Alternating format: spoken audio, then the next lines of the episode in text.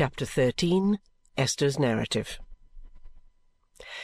We held many consultations about what Richard was to be, first without Mr. Jarndyce as he had requested, and afterwards with him, but it was a long time before we seemed to make progress.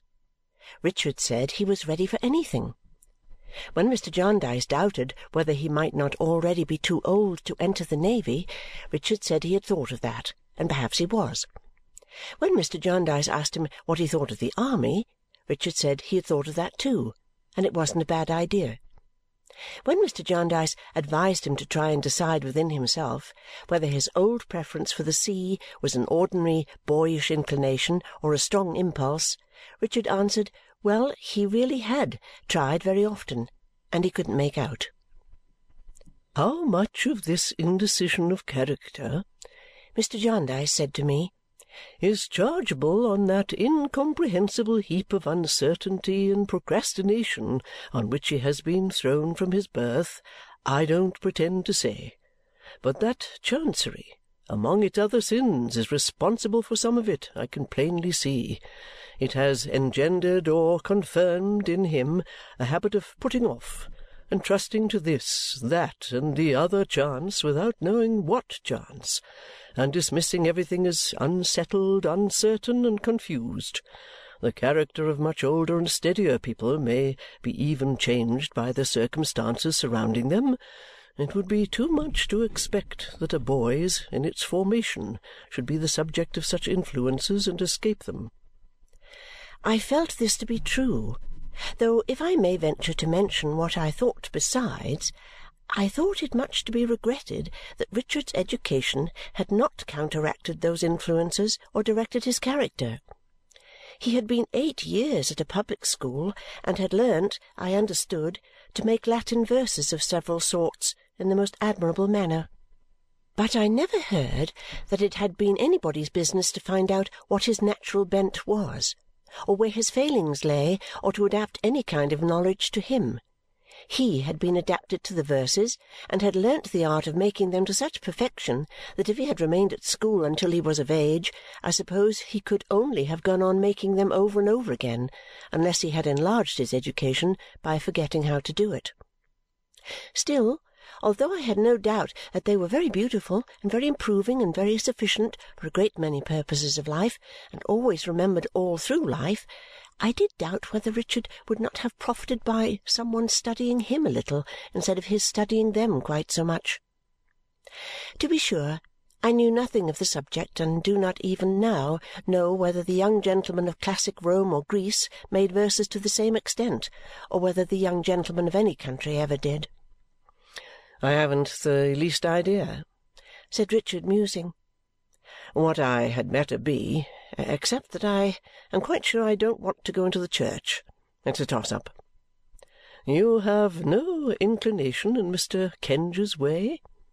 suggested Mr. Jarndyce. I don't know that, sir, replied Richard. I'm fond of boating. Articled clerks do a good deal on the water. It's a capital profession. A surgeon? suggested Mr. Jarndyce. That's the thing, sir, cried Richard. I doubt if he had ever once thought of it before. That's the thing, sir, repeated Richard with the greatest enthusiasm. We have got it at last. M.R.C.S. He was not to be laughed out of it, though he laughed at it heartily. He said he had chosen his profession, and the more he thought of it, the more he felt that his destiny was clear. The art of healing was the art of all others for him. Mistrusting that he only came to this conclusion because, having never had much chance of finding out for himself what he was fitted for, and having never been guided to the discovery, he was taken by the newest idea and was glad to get rid of the trouble of consideration. I wondered whether the Latin verses often ended in this or whether Richard's was a solitary case.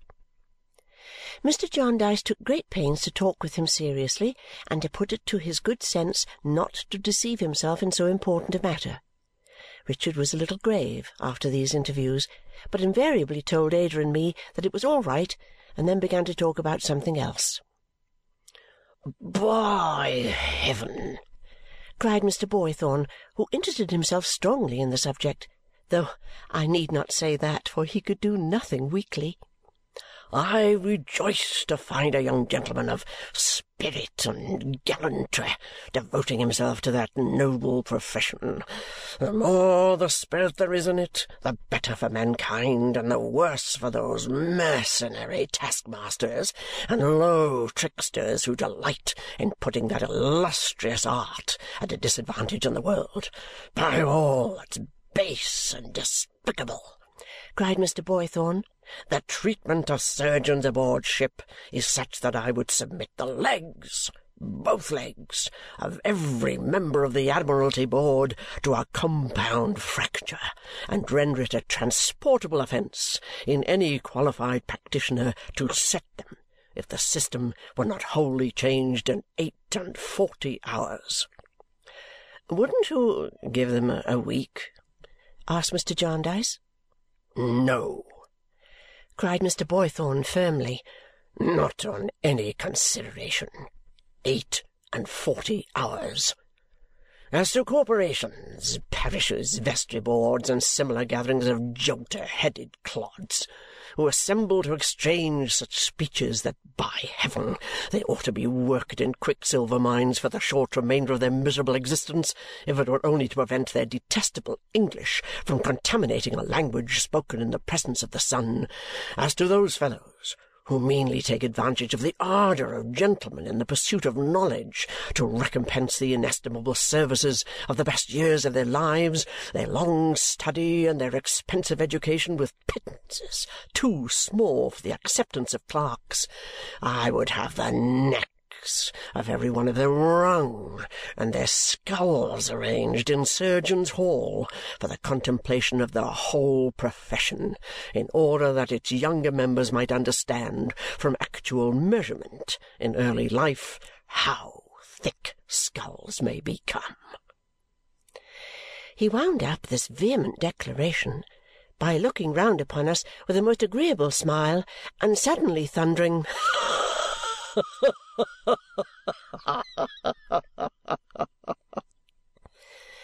over and over again until anybody else might have been expected to be quite subdued by the exertion. As Richard still continued to say that he was fixed in his choice, after repeated periods for consideration had been recommended by Mr. Jarndyce and had expired, and he still continued to assure Ada and me in the same final manner that it was all right it became advisable to take Mr. Kenge into counsel. Mr. Kenge therefore came down to dinner one day, and leaned back in his chair, and turned his eye-glasses over and over, and spoke in a sonorous voice, and did exactly what I remembered to have seen him do when I was a little girl. "Ah!" said Mr. Kenge. "Yes. Well! A very good profession, Mr. Jarndyce, a very good profession. The course of study and preparation requires to be diligently pursued," observed my guardian with a glance at Richard. "Oh, no doubt," said Mr. Kenge. "Diligently. But that being the case, more or less, with all pursuits that are worth much said Mr. Jarndyce, "it is not a special consideration which another choice would be likely to escape." "Truly," said Mr. Kenge. "And Mr. Richard Carstone, who has so meritoriously acquitted himself in the shall I say the classic shades in which his youth had been passed, will no doubt apply the habit if not the principles and practice, of versification in that tongue in which a poet was said, unless I mistake, to be born, not made, to the more eminently practical field of action on which he enters. You may rely upon it, said Richard in his off-hand manner, that I shall go at it and do my best. Very well, Mr. Jarndyce said Mr. Kenge, gently nodding his head. "Really, when we are assured by Mr. Richard that he means to go at it and to do his best," nodding feelingly and smoothly over those expressions, I would submit to you that we have only to inquire into the best mode of carrying out the object of his ambition.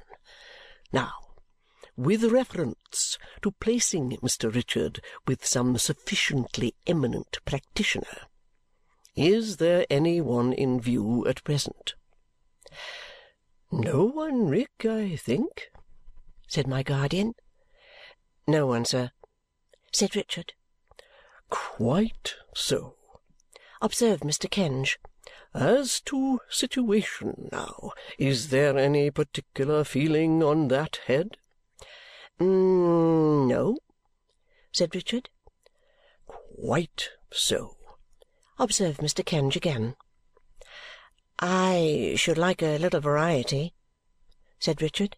I mean, a good range of experience. Very requisite, no doubt, returned Mr. Kenge. I think this may be easily arranged, Mr. Jarndyce. We have only, in the first place, to discover a sufficiently eligible practitioner. And as soon as we make our want, and, shall I add, our ability to pay a premium, known, our only difficulty will be in the selection of one from a large number. We have only, in the second place, to observe those little formalities which are rendered necessary by our time of life and our being under the guardianship of the court. We shall soon be, shall I say, in Mr. Richard's own light-hearted manner, going at it, to our heart's content. It is a coincidence, said Mr. Kenge with a tinge of melancholy in his smile, one of those coincidences which may or may not require an explanation beyond our present limited faculties, that I have a cousin in the medical profession. He might be deemed eligible by you and might be disposed to respond to this proposal. I can answer for him as little as for you but he might. As this was an opening in the prospect, it was arranged that Mr. Kenge should see his cousin. And as Mr. Jarndyce had before proposed to take us to London for a few weeks, it was settled next day that we should make our visit at once and combine Richard's business with it. Mr. Boythorn leaving us within a week, we took up our abode at a cheerful lodging near Oxford Street, over an upholsterer's shop.